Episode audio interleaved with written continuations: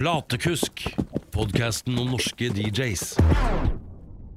Hei og velkommen skal du være til aller første episode av Platekusk. Podkasten om og for norske DJs. Jeg er Ronny Bergersen, og i denne aller første episoden så heter gjesten Roger Eggesvik. Et navn jeg tror mange norske DJ-er har et forhold til, da Roger er herremannen som i sin tid startet DJ-kollektivet, en ekstremt populær eh, gruppe på Facebook hvor veldig mange DJs, og ikke minst veldig mange som har lyst til å bli DJs, er eh, medlemmer.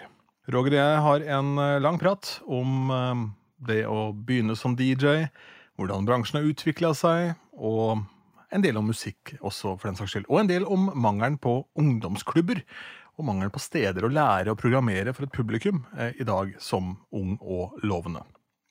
Etter praten med Roger så kommer jeg til å komme med et eh, konkret tips. Det har jeg en plan om å gjøre hver eneste uke i denne podkasten. Retter seg kanskje mest mot uh, de som uh, er helt i startfasen av sin karriere. Sier ikke at jeg har noen fasit på, på, noe som helst. Det er kanskje ikke noen fasit i utgangspunktet på hva som er rett og galt innenfor denne bransjen, annet enn at du bør helst ha en evne til å få folk til å danse. Da. Det er jo ofte, ofte greit å få til. Så denne gangen skal det handle om uh, musikk og lydkvalitet, uh, og litt om hvordan man kan sjekke lydkvaliteten på musikken i biblioteket ditt. Um, som sagt retter seg kanskje mest mot de litt yngre i bransjen som er up and coming, men um, for all del, det kan hende du har utbytte av det også som en gammel ringrev. Og nå, uten videre introduksjon, Roger Egesvik. Første episode av Platekusk er i gang. På mange måter så var det helt eh, naturlig da å begynne med Roger Eggesvik da, i denne podkastserien. For Roger er kanskje ikke Norges mest profilerte DJ. Hvis du går på gata og spør mann i gata, så vet ikke alle hvem Roger er. Men spør du norske DJs, så er de ganske ja, jeg vil tro det er ganske bra oversikt over hvem Roger er. Og det henger sammen med DJ-kollektivet, som er en gruppe på Facebook. Hvor Roger er administrator. Den kommer vi tilbake til, men eh, aller først, Roger, går det fint? Det går veldig fint. Det går det er litt det, Håper ting går tilbake til, til, normalen snart, da. Ja, det er litt sånn lys i lampa nå. Man begynner liksom å se at det løsner opp litt igjen. Har du fått gjort noen jobber, eller? Jeg har fått gjort litt. Jeg har ikke vært mye. Så nå har ikke jeg jaga noen jobber heller. Så, så noe har det blitt. Og så er det jo å jobbe fram som boka. Ja, ikke sant. Det er jo det, da. Jeg, har, jeg hadde jo ni bryllup i fjor, og så ble alle flytta til 2022, med unntak av ett. Da. Det har jeg gjennomført nå, det ble veldig hyggelig. Så um, får håpe at, uh, håpe at liksom ting ja, stabiliserer seg litt. For det er hele samfunnet, og særlig den bryllupsbiten og, og store firmating og sånn, så er det planlagt så lenge. Man har liksom satt av tid og penger og ressurser. Så føler veldig med de folka der òg. Selvfølgelig alle kollegaene òg, som da ikke får gjennomført eh, planene de hadde. Men eh, eh, dette kan vi prate om til vi blir grønne i trynet. Jeg begynner å bli lei av denne pandemien, så la oss snakke om noe annet. La oss snakke om en helt annen tid. Tilbake da på, på 90-tallet så fantes det en, en trans-artist fra Norge som het Pacific Blue. Og med seg på turné så hadde han en DJ, og den DJ-en og transartisten besøkte da ungdomsklubben hjemme i Askim. Det var sånn jeg ble kjent med deg. Det er en viss fare for at du føler deg som en veldig gammel mann i løpet av denne praten her, Roger. ja, ikke sant? Den gang så kalte du deg for DJ Enjoy, eh, og da husker jeg at eh, du var en av de første da, som lærte meg dette med miksing, og da hadde jeg en sånn pioner eh, CDJ 500, tror jeg det var. Den, den store kladeisen. Stemmer det. Og jeg husker Det første trikset du lærte meg, var bare å teipe over der hvor det sto BPM-en. Altså, den, den, gangen så var ikke den så veldig korrekt at du gjorde noe heller, tror jeg. Så, Nei, det tror ikke jeg heller. Det er ikke greit å gjøre det. Men jeg, jeg, husker, jeg husker, veldig godt at, uh, at jeg var besøkte dere. Ja, for da holdt du et DJ-kurs der, og det som jeg husker sprang på en måte hodene på alle oss drittungene som var der, det var det at du var jo medlem av en sånn uh, platepool. Den gangen da så gikk det jo på fysiske plater. Nå er jo folk medlem av diverse record pools på, på nettet. ikke sant? Men da fikk jo du unike mikser og sånn, så var det masse ting der som sikkert uh, ikke nødvendigvis rocka dansegulv, for det var jo helt ugjenkjennelig i forhold til de låtene som var der. Men for oss som bare syntes det hørtes dritkult ut, så var det jo helt rått. da, så hvordan begynte denne reisen for deg, egentlig? Altså, når starta du å, å spille? Det var egentlig veldig tidlig. Det var eh, allerede i barneskolen. Eh, og den gangen jeg vokste opp, og det er jo for så vidt nå også, men det var veldig mye mer før, så var det jo fritidsklubber. Og da var jo fritidsklubbene bygd opp sånn at eh, ungdommen fikk en del ansvar på forskjellige områder. Og jeg var jo da kjapt ute med oss og ville være i DJ-gruppa. Selv om jeg ikke kunne noe, så var jeg glad i musikk. Eh, og den gangen så hadde vi jo egentlig ikke noe utstyr å å mikse på.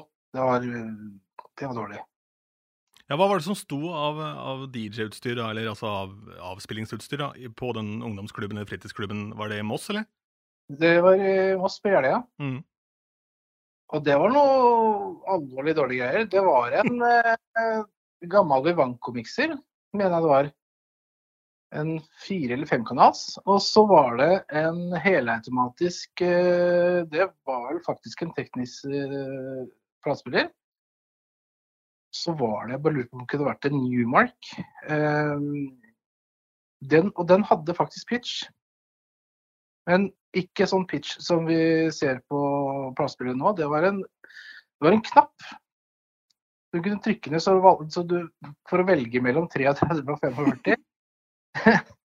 og så for å pitche, så måtte du vri på den knappen, så du hadde jo ikke anelse om hvor du var i spekteret der. sånn. Eh, for så vidt like greit, eh, for den gangen så skjønte jeg ikke så mye av det. Eh, så det var liksom ble liksom glemt kapittel, helt til det faktisk eh, Det var jo noen som jobba der, som drev et ungdom, nei, som, som drev mobildisko. Og de hadde med seg anlegget sitt på, for hun skulle oppvare det på bomberommet der. Og da var jeg der ganske kjapt og spurte om de ikke kunne koble opp dette her, og så vise meg litt Sånn. Eh, etter mye om og men, så, så gjorde hun dette her, og så setter han på to skiver. Og så pitcher han inn eh, ene låta, sånn at det gir samme hastighet. Og så sier han at ja, nå kan du øve deg på dette. Og så gikk han. Eh, så jeg sto der i timevis eh, og øvde på de to sangene uten å røre pitchen. For jeg tenkte den er jo riktig. Eh, og når jeg følte at ja, det her går jo ganske greit, så var det altså å finne en annen skive og legge på der, og så prøve å pitche inn sjøl.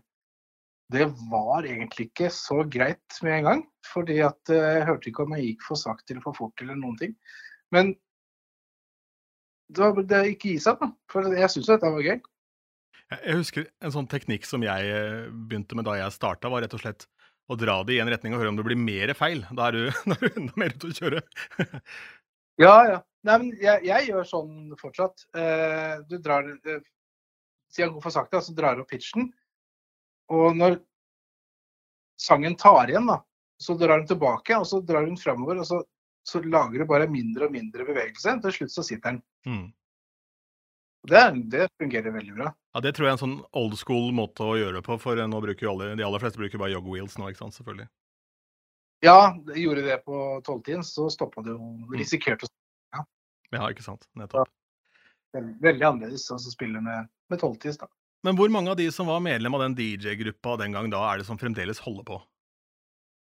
Det er eh, eh, ja, Det er en fra fritidsklubben, faktisk. Men jeg, jeg tror faktisk ikke han var i DJ-gruppa. Og han eh, spiller jo bl.a. på Blå i Oslo. Espen, H.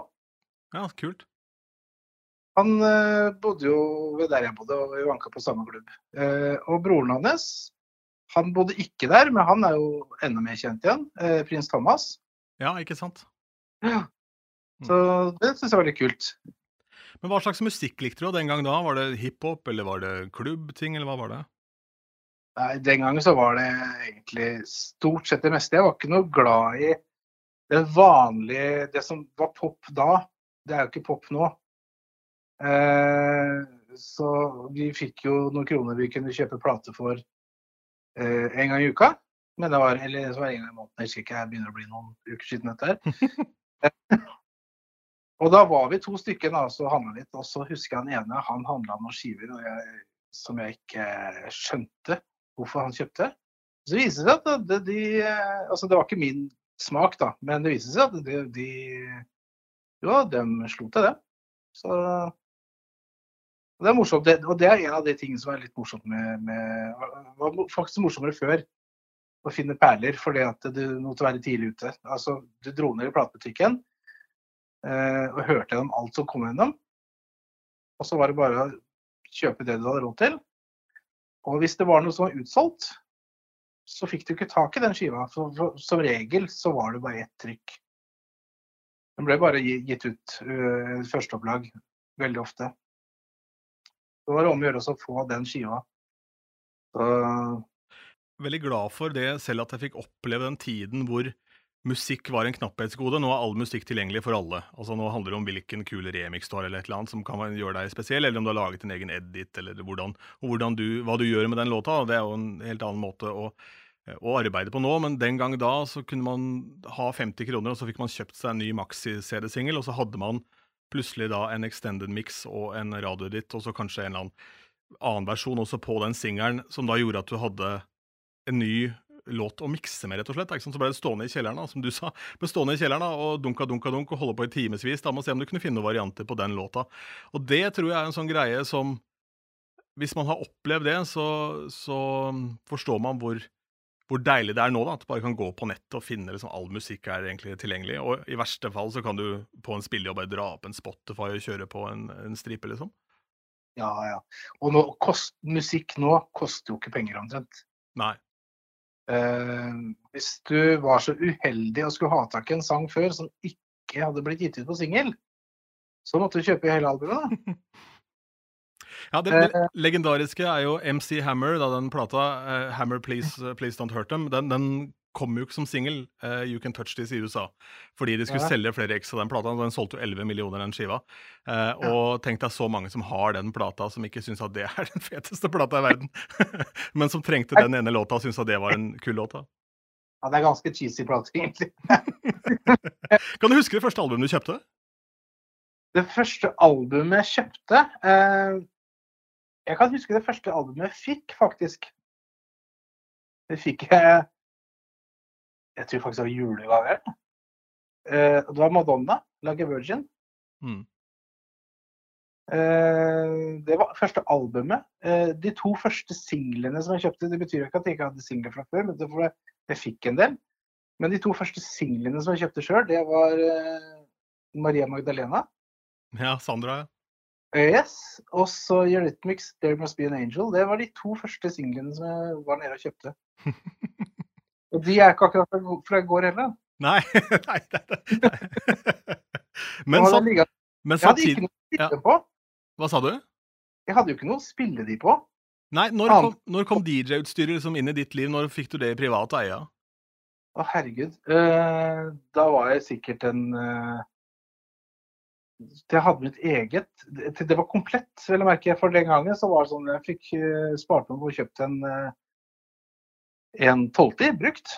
Eh, og da hadde jeg en platespiller. Eh, den sto i hylla, for den var helt ubrukelig alene. Eh, og så var det også spare til en til, og det var faktisk en Newmark. Der pitchen gikk motsatt vei av Technicsen. Eh, så det var litt spesielt. Eh, for meg så var det bare van vanesak, så det gjorde meg ingenting. Men når andre skulle spille på det, så dro det med seg stort sett det som var av hår. Eh, og så gikk det vel nesten et år før jeg fikk kjøpt meg en mikser. Jeg gikk jo kanskje ikke fullt et år, men altså det gikk lang tid. Mens nå så er det Det er liksom 1500 kroner, så er det der, liksom. Ja, det er litt billigere sånn entry level nå. Altså, da jeg begynte, da, som er noen år etter deg igjen, så var det jo begynt å komme disse tingene, men det var ganske dårlig kvalitet på en del av det. Altså disse mediokre produktene. Da. Men du hadde i hvert fall muligheten til å lære teknikken da, eh, fram til pitch-kontrolleren og sånn gikk til helvete på de. Men eh, eh, da kunne du på en måte gå for en ny en. Men eh, det jo et eller annet med det, da. Og da blir du eremitt, eller? Du får det til hus. Altså, du går ikke utafor døra, står bare og spiller og spiller. Jeg vet, jeg fikk så mye klager. Å, herre. For det, altså, de høyttalerne som fikk tak i også, det var noe brukte greier, ja. Og de var De var såpass store at eh, jeg bare la en plate oppå de. Eh, og så hadde jeg perfekt høyde til å stå og mikse i. Eh, og de var jo omtrent like breie som de var høye. Eh, i, skulle jeg brukt det i dag, så hadde det sikkert låt crap, men den gangen så låt det ganske greit. Det låt det, det spilte høyt, og det dunka, og det, når du bor i rekkehus, så Da blir du fort upopulær. Ja, Dårlig stemning da, det vil jeg tro. I hvert fall naboen. Ja.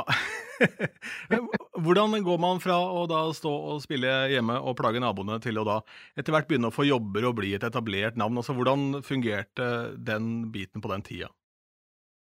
Den gangen så var det jo Altså, du sto hjemme. Eh, nå vet jeg ikke om dette her gjelder alle, eh, men jeg tror det gjaldt ganske så mange. Da sto du hjemme og øvde. Eh, og hvis du hadde noen som kunne lære det, så var jo det selvfølgelig pluss. Jeg hadde ingen som kunne lære meg. Så det er mer eller mindre selvlært fram til et visst punkt, selvfølgelig. Eh, og så var det å stå og terpe og terpe og terpe. Eh, å plukke musikk, det var jeg vant med eh, i forhold til når jeg spilte på Frihetsklubben. Så musikkvalg og sånn, det var greit nok. Eh, fordi at jeg hadde jo spilt for folk, Mm. selv om det var på en helt annen måte. Ja, det er faktisk ganske viktig, for det, i og med at fritidsklubbene blir borte, da, så er ikke det Mm. lenger en arena hvor unge DJ-er nå kan prøve seg. Nå kan de gjøre mix-show og sånn, legge ut på Soundcloud, men de vet jo ikke om de får det til å boppe, liksom, om, om folk danser til det. Så den jobben som, den store jobben som ligger i det å være DJ, som ligger i programmeringen, da, eh, og hvordan du leser publikum, den er vrien nå for, eh, for folk å få inn. Så der får du liksom trial by fire hver gang. Ja, ja. Altså, det, det er synd at det har blitt sånn. Eh, fordi at det, var eno- det- altså, det er enormt lærerikt å stå og kalle det øve litt da, med, med, med, med kompiser. For det er jo kjente alle som var der. ikke sant? Men det betyr jo ikke at du danser bare for at det er du som spiller. Eh, du må jo faktisk spille riktig musikk òg, hvis ikke så får du kasta tinget på det. Ja, Så gode kompiser fins ikke, tror jeg. Nei, Danser Nei. til hva som helst. Nei, det er gærent. Det er helt sikkert.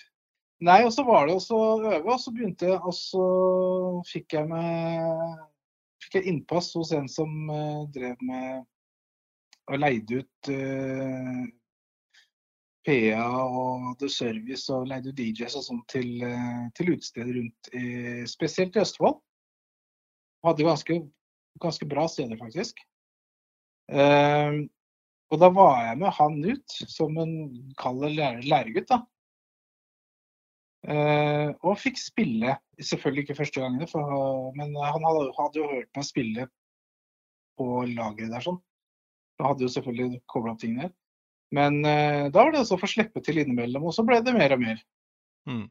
følte seg tryggere. Og når, eh, det tok jo ikke så lang tid fra jeg begynte med det til jeg hadde egne jobber, men altså en del av jobbene gjennom han, og så balla det seg egentlig bare på. Ja, det er ofte sånn så begynner ballen å rulle, så skjer det ting, da. Ja, ja. Men den gang da når jeg møtte deg, dette er jo tilbake da på kan tenke meg 97-98, så hadde du også et program på radio.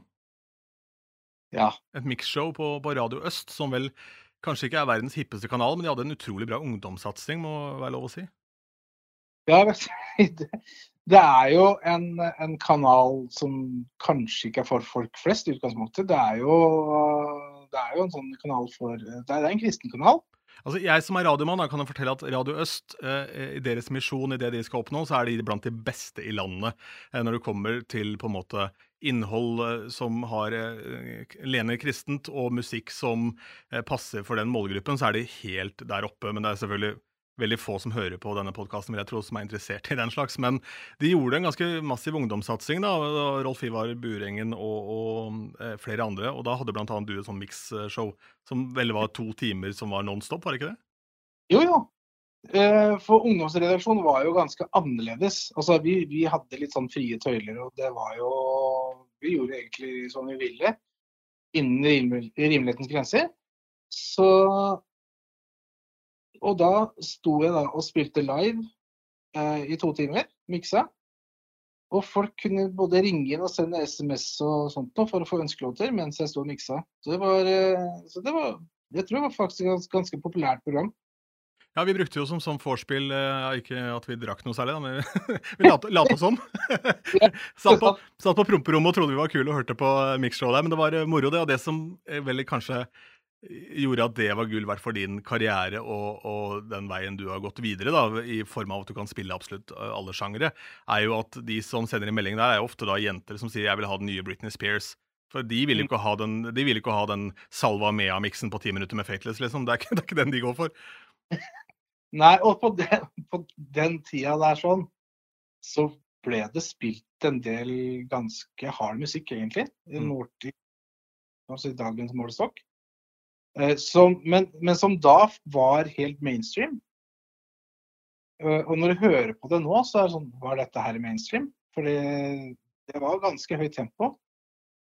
Eh, men selvfølgelig ikke alt. Ja, men Du har jo sånn Hard Dance Mania-platen som solgte jo liksom 40 000-50 000 X hver eneste skive. ikke sant? Goliat-serien, alle disse tingene her var jo veldig populært på den tida. Så det var veldig sånn høyintenst, og Scooter fikk jo en ny vår også, liksom med, med Ramp og de eh, gode låtene. Og du hadde Blymsen og Horace Mein Tag, som vel er oppe i 153 BPM. Så det var jo, det var jo Popmusikken var ganske annerledes. da, Så hadde du det andre sporet som svensken drev med, som er type eh, Max Martins eh, og, og Sharon-tingene med alt fra Ace of Base til, eh, til eh, Backstreet Boys og, og Britney Spears og sånn, som var et litt parallelt løp der. Mm. Ja, ja. Altså, det, på den tida så var trans veldig stort. Så, Ja. For det var vel på en måte da sånn siste gullalderen, for det tippa vel over da rundt 2001-2002, vel når liksom R&B-bølgen kom med Shakira og, og Jennifer Lopez og Ellen Baggen der. ja, altså trans var jo mainstream da. Det var listemusikk, det. Så, sånn sett er er jo langt unna det nå, egentlig. Ja, det er veldig få i hvert fall som er det. Eh, Da må det være en eller annen remix-variant av den gamle ATB-slager som dukker opp. ja, og det har det gjort. Ja, absolutt. Hva er det du spiller på nå, når du er ute og reiser eh, på spillejobber nå? Hva jeg spiller på og tenker på? Ja, altså utstyr. Eh, jeg har, for å si det sånn, først vil jeg si at jeg har vært ute så mange steder og opplevd så mye dårlig utstyr som visstnok skal være så bra. Og når det er i orden, så er det sikkert kjempebra. Eh, garantert. Men jeg har opplevd at det er så mye ødelagt så jeg tar alltid med eget. Mm. Eh, og det jeg har brukt de siste åra nå, det er jo Demon. Som har eh, kommet seg noe veldig. Ja, for Denon var på den tida som vi snakker om her, da vi møttes, så var også Denon blant de absolutt beste med disse doble CD-spillerne. Der var det som en helt egen klasse. Eh, og Ah, ja. så fada det litt ut, og så var det pionerer for alle penga, i hvert fall i det liksom kommersielle bildet. Men nå er jo Mm. Denon virkelig på vei tilbake igjen, fordi det ser jo råfet ut, en del av de tinga de har nå. Ja, ja. Vet du hva, det er eh, Pioner har, har hatt veldig mye bra. Absolutt. Lydmessig så har det ikke vært så veldig bra. Der er mange som har vært bedre, syns jeg. Ja, Der har Numark vært blant de beste. Ja, og så har det jo en del andre ting. Vivanko var jo veldig, veldig bra, det også. Ja, ja, og selvfølgelig sånn Rain og disse tingene her også er jo selvfølgelig gode på lyd. Ja, jeg bruker jo det også. Rain og Denon. Mm. Eh, og jeg trives veldig godt med det. Og det er klart at eh, det, er, altså, det er ikke alt som passer alle, sikkert. Eh, vi bruker litt forskjellig utstyr, men det, går, det er jo veldig mye pionerer som står uten nå. Men nå virker det faktisk som, som Nå tenker jeg ikke bare på Norge, men ellers også, så virker det som eh, Denon er litt mer på vei inn enn det det var med en gang disse nye spillerne kom og sånt. Nå virker det som det begynner å, å bevege seg enda litt mer. Ja, Jeg tror det er flere på en måte litt sånn toneangivende folk som etter hvert har begynt å bruke det. Eh, og Mm. nå sitter man og ser på YouTube-videoer. altså Hvis man hver YouTube-video ser en CD og 1000, eh, så er det klart at det er jo det man har lyst på eh, da man sitter og sikler på utstyr. ikke sant? Det blir jo sånn. Og det har jo vært det som har vært standarden, og gullstandarden, en lang, lang tid. da, Men det er jo viktig lærdom da, for de som eventuelt da kanskje ikke kan ta seg råd da, til f.eks. et fullt, sånt, eh, fullt eh, oppsett fra Pioner, da, som man kanskje ønsker seg. Så gå for noe annet. Altså, Kanskje du lærer deg det, og kanskje du får rett og slett massive skills på akkurat det utstyret. Trenger ikke å være det aller mest fancy. Det er ikke det som gjør deg til en god DJ. liksom. Det er jo først og fremst musikkvalget ditt. Det er ikke hvor god du er til å mikse. Spiller heller egentlig ingen rolle når alt kommer til alt. Eh, Men det er, det er en helt annen diskusjon. Og apropos diskusjon, eh, jeg nevnte jo innledningsvis at du eh, er jo også administrator i DJ-kollektivet, som er en gruppe på Facebook. Og hvordan kom det i stand? det, jeg, jeg tenkte Altså, jeg hadde jo en del venner som var DJs. Eh, der jeg selvfølgelig kjente alle eh, av de jeg kjente. Så ja, ligger litt i ordet. Eh, men det jeg tenkte på, var at det, det hadde vært hyggelig om de hadde blitt kjent med hverandre òg, for det var ikke alle de som kjente hverandre. Så da lagde jeg en gruppe eh, for DJs. Eh, inviterte inn alle mine venner som var DJs. Hvilket, hvilket år er vi nå? Og nå, ja, vet du hva, det Ja, men Er det fort liksom åtte-ti år siden, eller? er det så lenge siden. Jeg er, ikke, jeg er litt usikker, men det må i hvert fall være fem-seks. Ja, det er nok i hvert fall det. Ja. Ja, i hvert fall det. Uh, og så sier jeg til, til dem at har dere noen venner som er DJs, så bare inviterer vi oss, og liksom blir vi litt mer kjent. også Istedenfor at alle skal stå på hver sin tue og verne om sin egen uh, greie. Så la oss prøve å samarbeide litt, bli kjent med hverandre, lære av hverandre. Uh, for, det var en ting som jeg savna. Mm. Det har vært veldig lite av før. Altså, du hadde jo uh, klikker. Det var veldig det, det har vært veldig mye av. Ja, altså du hadde jo den norske DJ-klubben som Flemming eh, drev en periode. Der var det jo eh, eh, Enkelte i den gjengen hadde jo et veldig fint samhold, men så var det da på en måte at eh, andre ikke hadde det, og så ble det noe drittslenging, og så var det liksom alt i gang. da. Det var disse forumene og sånn som fungerte til en viss grad ganske bra, men det har på en måte ikke vært ordentlig organisert før da sosiale medier dukker opp, man har muligheten til å gjøre det da, sånn som du gjorde med DJ-kollektivet. da, Men det har jo blitt et eh, monster. Det har jo vokst. Hvor mange medlemmer er det? Og det er, det er passert tre og et halvt. Ja, ikke sant? Det er ganske sjukt. Ja. Eh, så når det begynte å bli en del, så var, tenkte jeg at eh, hvorfor ikke ha med de som eh, faktisk eh, gir oss jobbene også? Mm. Av flere grunner. Én ting er at de gir oss jobber. En annen ting er at jeg tror det kan være greit at de får litt innsikt i hva det egentlig innebærer å være DJ. At de, at de ikke tror at det er bare ja, vi bare dukker opp på jobb og spiller litt, og så drar vi hjem igjen. At de ser at det, det ligger faktisk en god del arbeid i forkant, og at det ligger en del arbeid i det. da. Ja, absolutt. Det er, eh, det er lett at man tenker at DJ-en bare trykker på uh, noen plater, men klart eh, tanken bak de For det første så må du skaffe deg låtene, og for det andre så må du da også uh, ha en plan på liksom, hvilke rekkefølge de låtene passer osv. Du må kjenne materialet ditt, og det tar jo timevis, rett og slett. Ja, ja, ja. Jeg klarer jo ikke å spille etter en liste. Jeg har prøvd én gang, og det var mange mange år siden. Det var på et utested i Moss, så var det en en, en, av de gamle ringrevene som uh, alltid brukte en spilleliste som var satt opp hjemme, og han brukte den ute. Og for han så fungerte det. Jeg tenkte at uh, dette skal jeg jaggu meg prøve. Og så når jeg kom til andre sangen, så var det bare å krølle og kaste. Det, det, altså for meg funka det ikke. For jeg må se hva som skjer der ute, og så spille etter det jeg ser. Mm. Det blir hele tiden retning.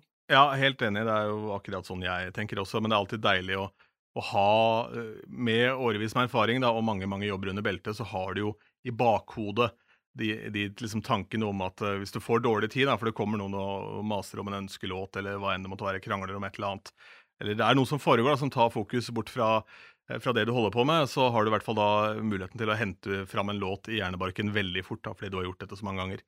Eh, for det publikum og noe som ligner. da.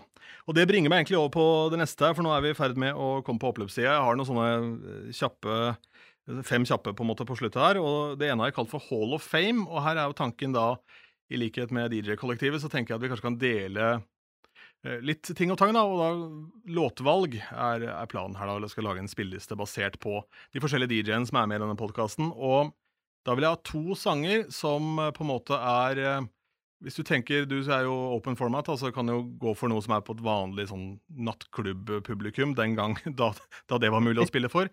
Uh, ja. Så jeg vil ha to låter som uh, alltid er safe. Som alltid er safe? Uh, ja, altså Hvis jeg tar noe som er litt opptempo, da. Mm. Så har du Safri Duo med Play the Live. Det er jo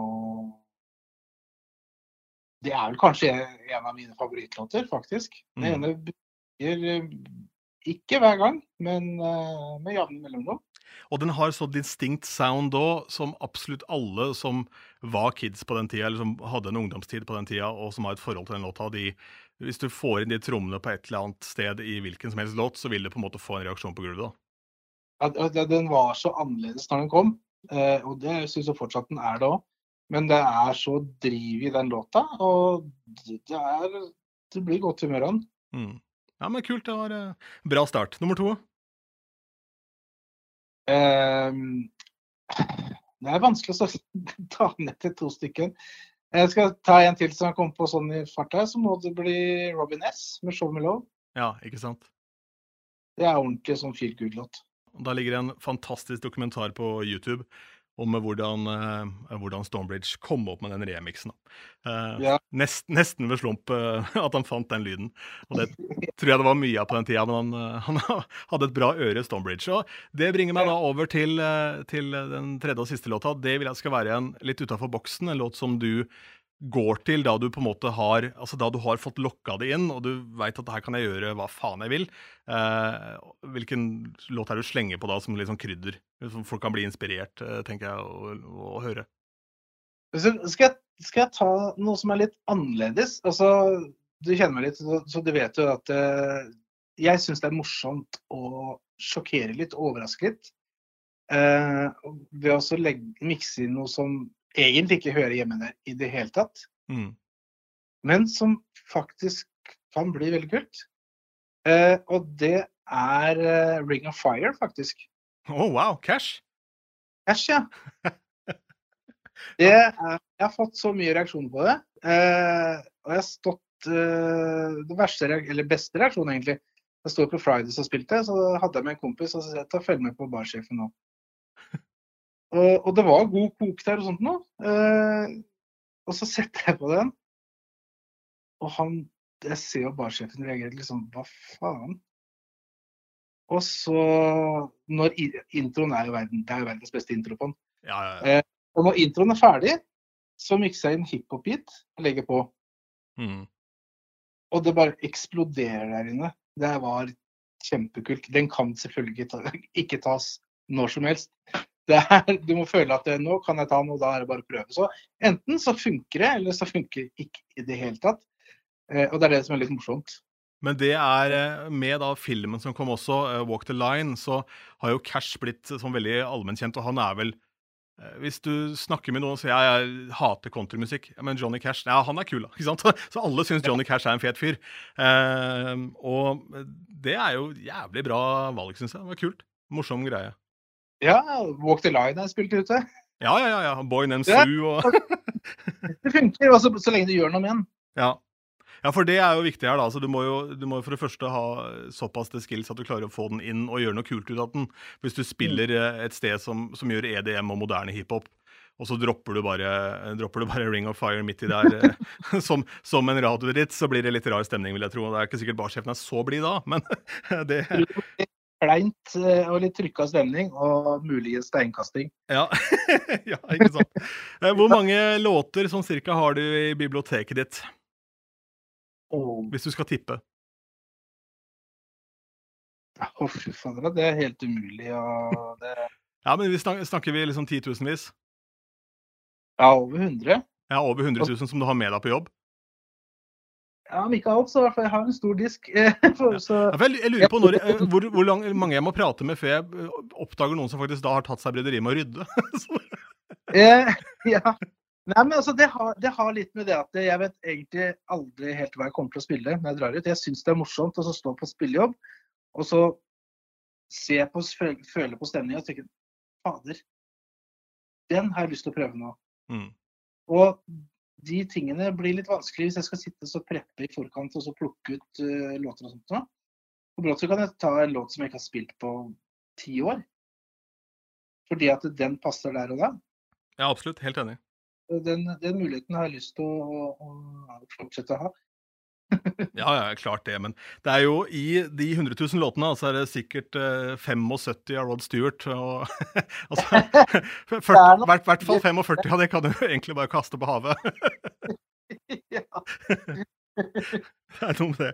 Men eh, det glemte jeg å spørre om i stad. Men du driver jo også med VJ-ing, og en av få eh, nordmenn. Du Det er vel egentlig deg og Johnny, eh, John Raven, som er blant de liksom mest profilerte som gjør VJ-ting i Norge, altså video-DJ. Eh, Hvordan begynte du med det? da?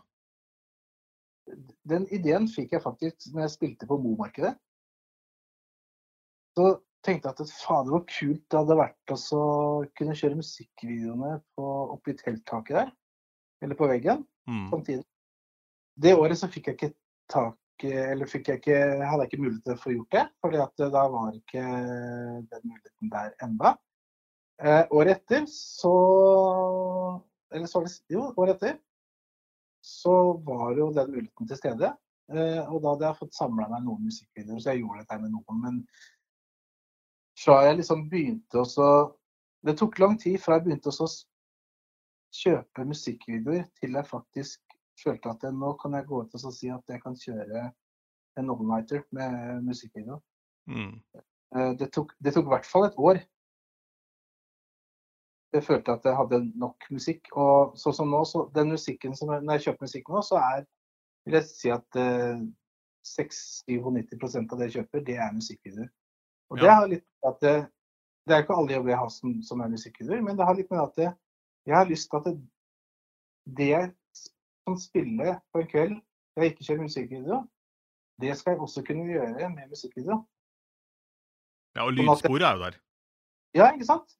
Så, så, så ikke ja, det her var kult, skal jeg kjøre musikkvideo, så blir det liksom en helt annet energi. Da vil jeg ha muligheten til å spille de samme låtene. Ja, helt enig. Det er, det er bra lærdom, absolutt. Um, siste spørsmål handler om noe helt annet. Sier jo mer om deg som person. For bak denne profesjonelle fasaden når vi er ute på jobb og, og spiller party-party, så har vi jo alle et favorittband. Du setter deg i bilen, ferdig med spillejobb, det er kjempeintenst, det er høyt trøkk. Avslutter med Safri Duo og alt mulig. Eh, takk for meg, sender faktura på hyre. Sitter i bilen, skal sette på en plate. Hva er det Roger hører på da?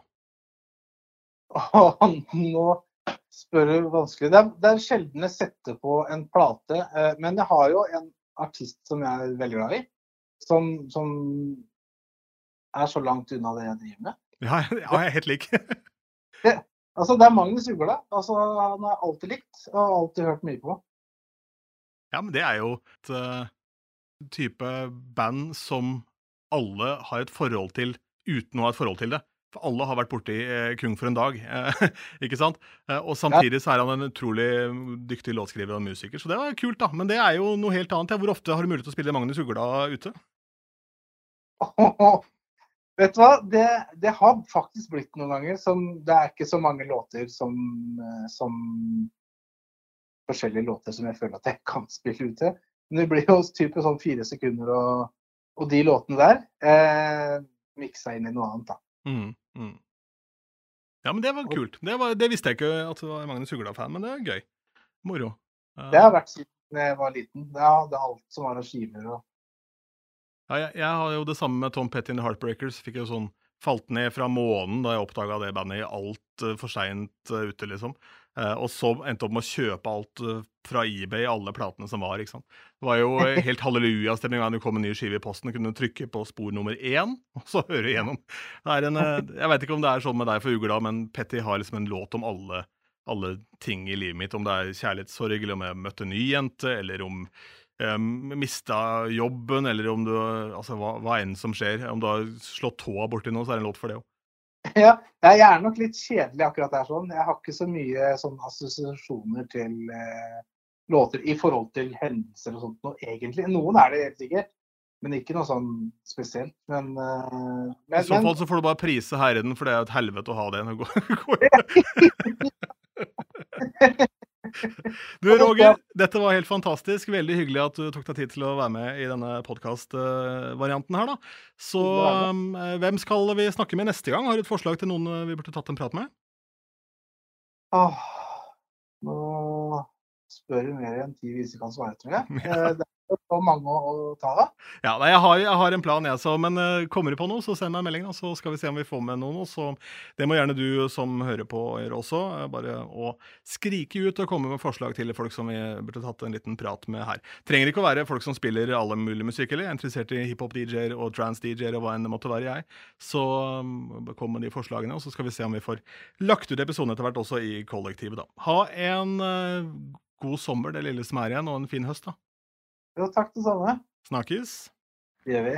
En stor takk til eh, Roger for at han gadd å stille opp i denne podkasten. Og um, takk for at du har hengt med så langt. Det setter jeg stor eh, pris på. Jeg er eh, Ronny Bergersen, og um, jeg lovte et aldri stilte tips på slutta. Og det tipset kommer i form av um, et software som du kan benytte deg av for å sjekke rett og slett hvilken bitrate musikken din har. Ja, jeg vet det står eh, at den har 320 kilobit, den låta her. Men det er ikke nødvendigvis sånn at det stemmer. For eh, idet jeg drar en sang inn i f.eks. Adobe Audition, og den sangen er på 128 kbit, så kan jo jeg lagre den som 320, og så er ikke det tilfellet. Derfor så trenger vi å sjekke kanskje hvor dårlig kvalitet det er på de filene vi lasta ned fra Napster en gang i tida. Eller ikke minst de filene som du ripper fra, fra YouTube. Og det er en av mine fanesaker, det altså. Ikke ripp all musikken din fra YouTube. Først og fremst er lydkvaliteten dårlig. Og for det andre så er det jo faktisk ulovlig. Og ja da, det er ikke sikkert at du bryr deg om lommeboka til de du stjeler eh, musikken til, men uh, uten den musikken så hadde ikke du hatt en jobb å gjøre, da. Det er jo et poeng der. Det er jo et samarbeid her, en slags symbiose. Hvis ikke det lages fet musikk, og det er en musikkbransje, så er heller ikke vi noen bransje å operere i. Vi spiller musikken som lages av nettopp musikkbransjen. Hvis du går inn på en nettside som heter Faken the Funk, så kan du laste ned et program. Det ser kanskje litt rart ut, for det er sånn eh, professor Funk som er til stede der, og han forteller deg om det er funky eller ikke. Eh, og da får du altså ut eh, hvilken bitrate låtene dine faktisk har av dette programmet her. Opptil 100 sanger kan analyseres uten at du må betale for det. Etter det kan du kjøpe en premieversjon av programmet for en slikk og en ingenting. Så jeg anbefaler å gjøre det. Støtt Professor Funk i arbeidet, og pass på at biblioteket ditt holder høy standard hva kvalitet angår. Og ja, hvorfor er det så viktig med god lydkvalitet? Jo da, altså Hjemme på gutterommet eller jenterommet så kan du stå og spille så mye du vil, og du vil ikke merke noe særlig stor forskjell på om du spiller en sang som er 128 kbit, eller en sang som er 320 kbit.